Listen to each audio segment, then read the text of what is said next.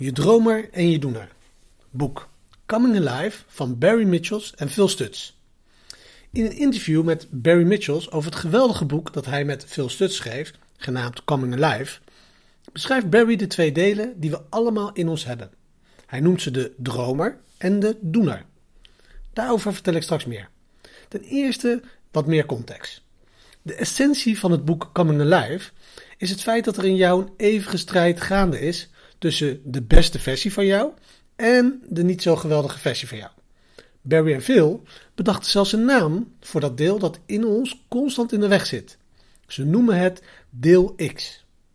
Deel X is de stem die je constant vertelt wat onmogelijk is. Nee, je kunt die droom niet waarmaken. Of nee, ik kan die gewoonte niet opbreken of opbouwen. Enzovoort, enzovoort. Een van de beste manieren om met deel X om te gaan is door de kleine dingen heel goed te doen. En om te stoppen met de kleine, dus haakjes, slechte dingen, waarvan je weet dat ze niet goed voor je zijn. Barry zegt dat, hoewel we het verband misschien niet zien, zelfbeheersing juist vertrouwen schept. Om een paar redenen. Ten eerste, als je geen zelfbeheersing hebt en je laat meeslepen door elke impuls die in je opkomt, weet je nooit wanneer je leven ontspoort.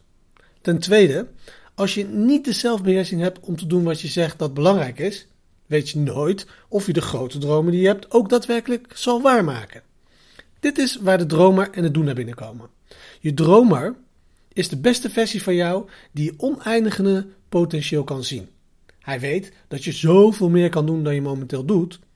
Je doener is het deel van jou dat werkelijk de dingen doet die het beste voor je zijn. Hier is het deal. Je dromer moet je doener kunnen vertrouwen. Je dromer moet weten dat wanneer hij X, Y of Z zegt, het belangrijk is dat je doener het gaat doen.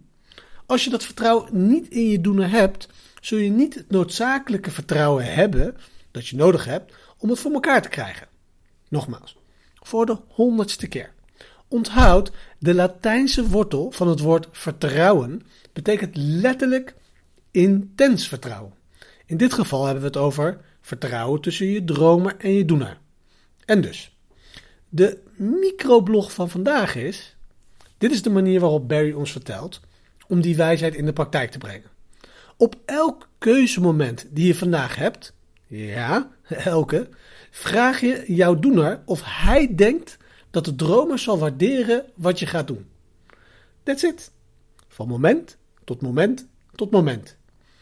Of we doen de dingen die ons in de richting van onze dromen brengen, of we gaan in een andere richting.